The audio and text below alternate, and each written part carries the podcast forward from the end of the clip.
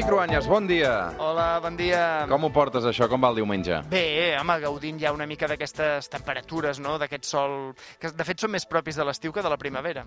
Clar, tu deus aprofitar per sortir a passejar tant com pots, no? Home, Les criatures i sí, tot. Sí, la veritat és que sí, no t'enganyaré. Em sembla que tothom en tenia ganes, però jo especialment. Aquestes petites coses, no?, com asseure's a una terrassa, fer un cafè, retrobar alguns amics que feia dies que no veies, són com un premi. De fet, molts ja tenim al, al cap a l'estiu, eh, que serà un estiu de, de, de no gaire grans viatges, eh? No, no, mira, per això avui parlarem d'un concepte que de fet ha quedat superat per les vacances generalitzades, pel turisme massiu, pels viatges low cost. Eh, El boom del turisme, aquest concepte mateix de turisme, és relativament nou, de fet, eh? És de mitjans del segle XX. Avui amb el Toni Cruanyes no marxem de vacances si no recuperem un concepte que s'està perdent, el d'estiueig.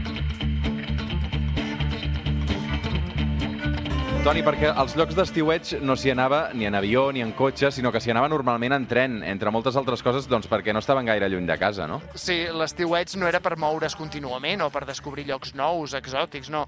Estiueig vol dir senzillament passar l'estiu en un lloc diferent de la residència habitual i va fer-se molt popular entre les classes benestants de les ciutats industrials. Barcelona, clar, és el nostre gran exemple.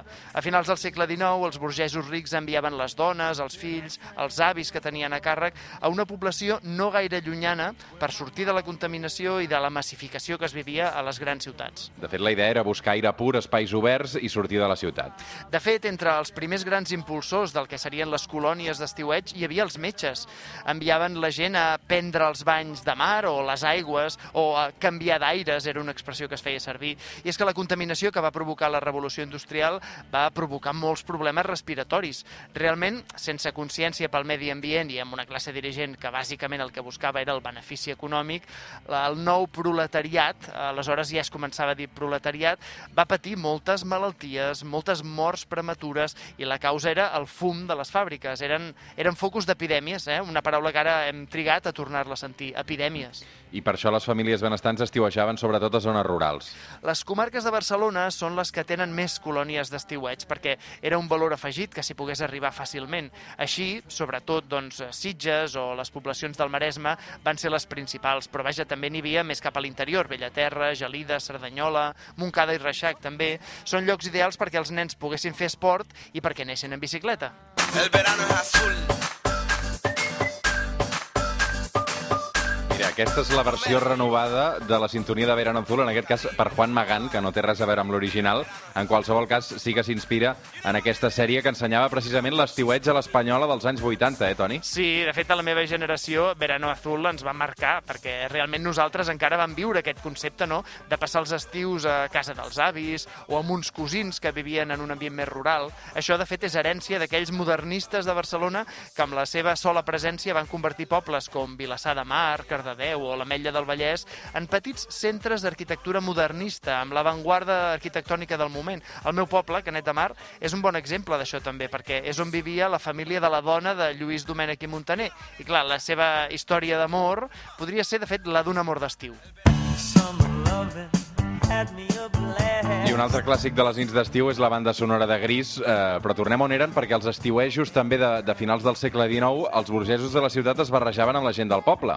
Una mica com a gris, diguem-ne, Eh. eh. només el fet que la gent rica, en aquest cas de Barcelona, volgués anar a aquells pobles que, és clar, no havien de tenir indústria o no gaire, perquè justament fugien de les fàbriques. Doncs, doncs això, només perquè hi anessin els rics, volia dir que es construïen o es milloraven les xarxes de carreteres o de ferrocarrils. En el cas del Maresme ja existia, perquè hi havia indústria incipient allà, però un exemple d'eix ferroviari fet expressament seria el de Barcelona-Puigcerdà.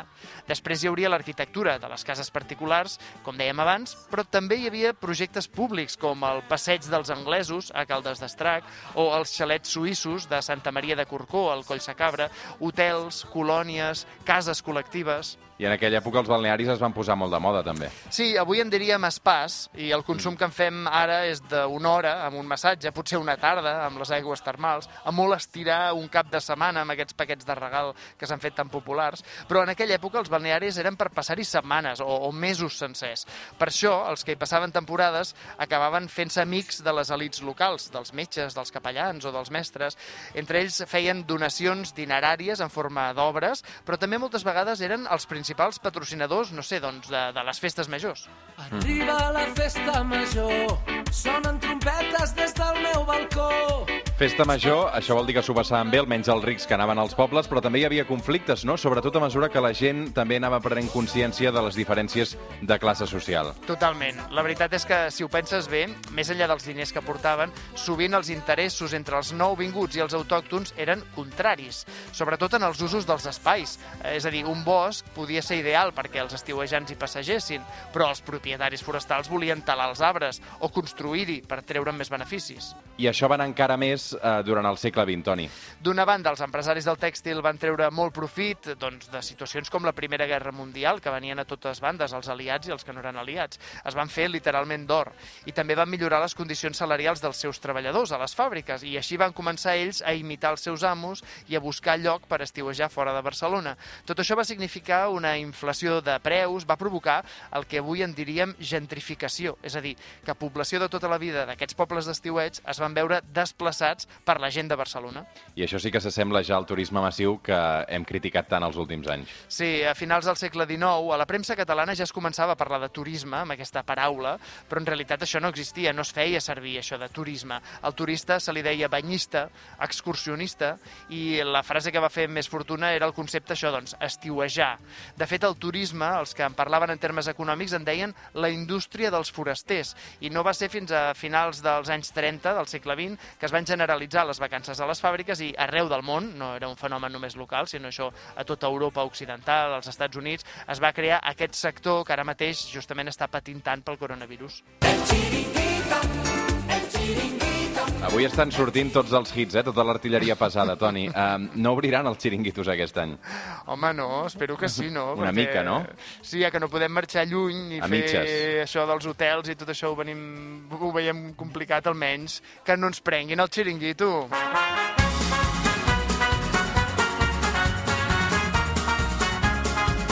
Avui et dediquem, Toni, aquesta cançó dels Catarres perquè no et tornarem a sentir fins després de l'estiu. Doncs sí, a veure, a partir de demà m'agafo la, la meva meitat del, del permís de paternitat. Ja, ja sabeu que vaig tenir una nena ara fa, fa tres mesos i per tant ara em toca a mi dedicar-m'hi, així que no em veureu ni al Telenotícies ni em sentireu aquí al suplement fins després de l'estiu, si em vols, Roger. Clar, que et volem. Uh, T'esperem al setembre al suplement, um, com cada diumenge també en aquest espai fidel dedicat a la història i a les històries que ens porta el Toni Cruanyes. Que vagi molt, molt bé. Uh, descansa tant com puguis, malgrat que estaràs envoltat de biberons i de ploreres, suposo. em sembla que sí. Molts ànims, Toni. Moltes gràcies.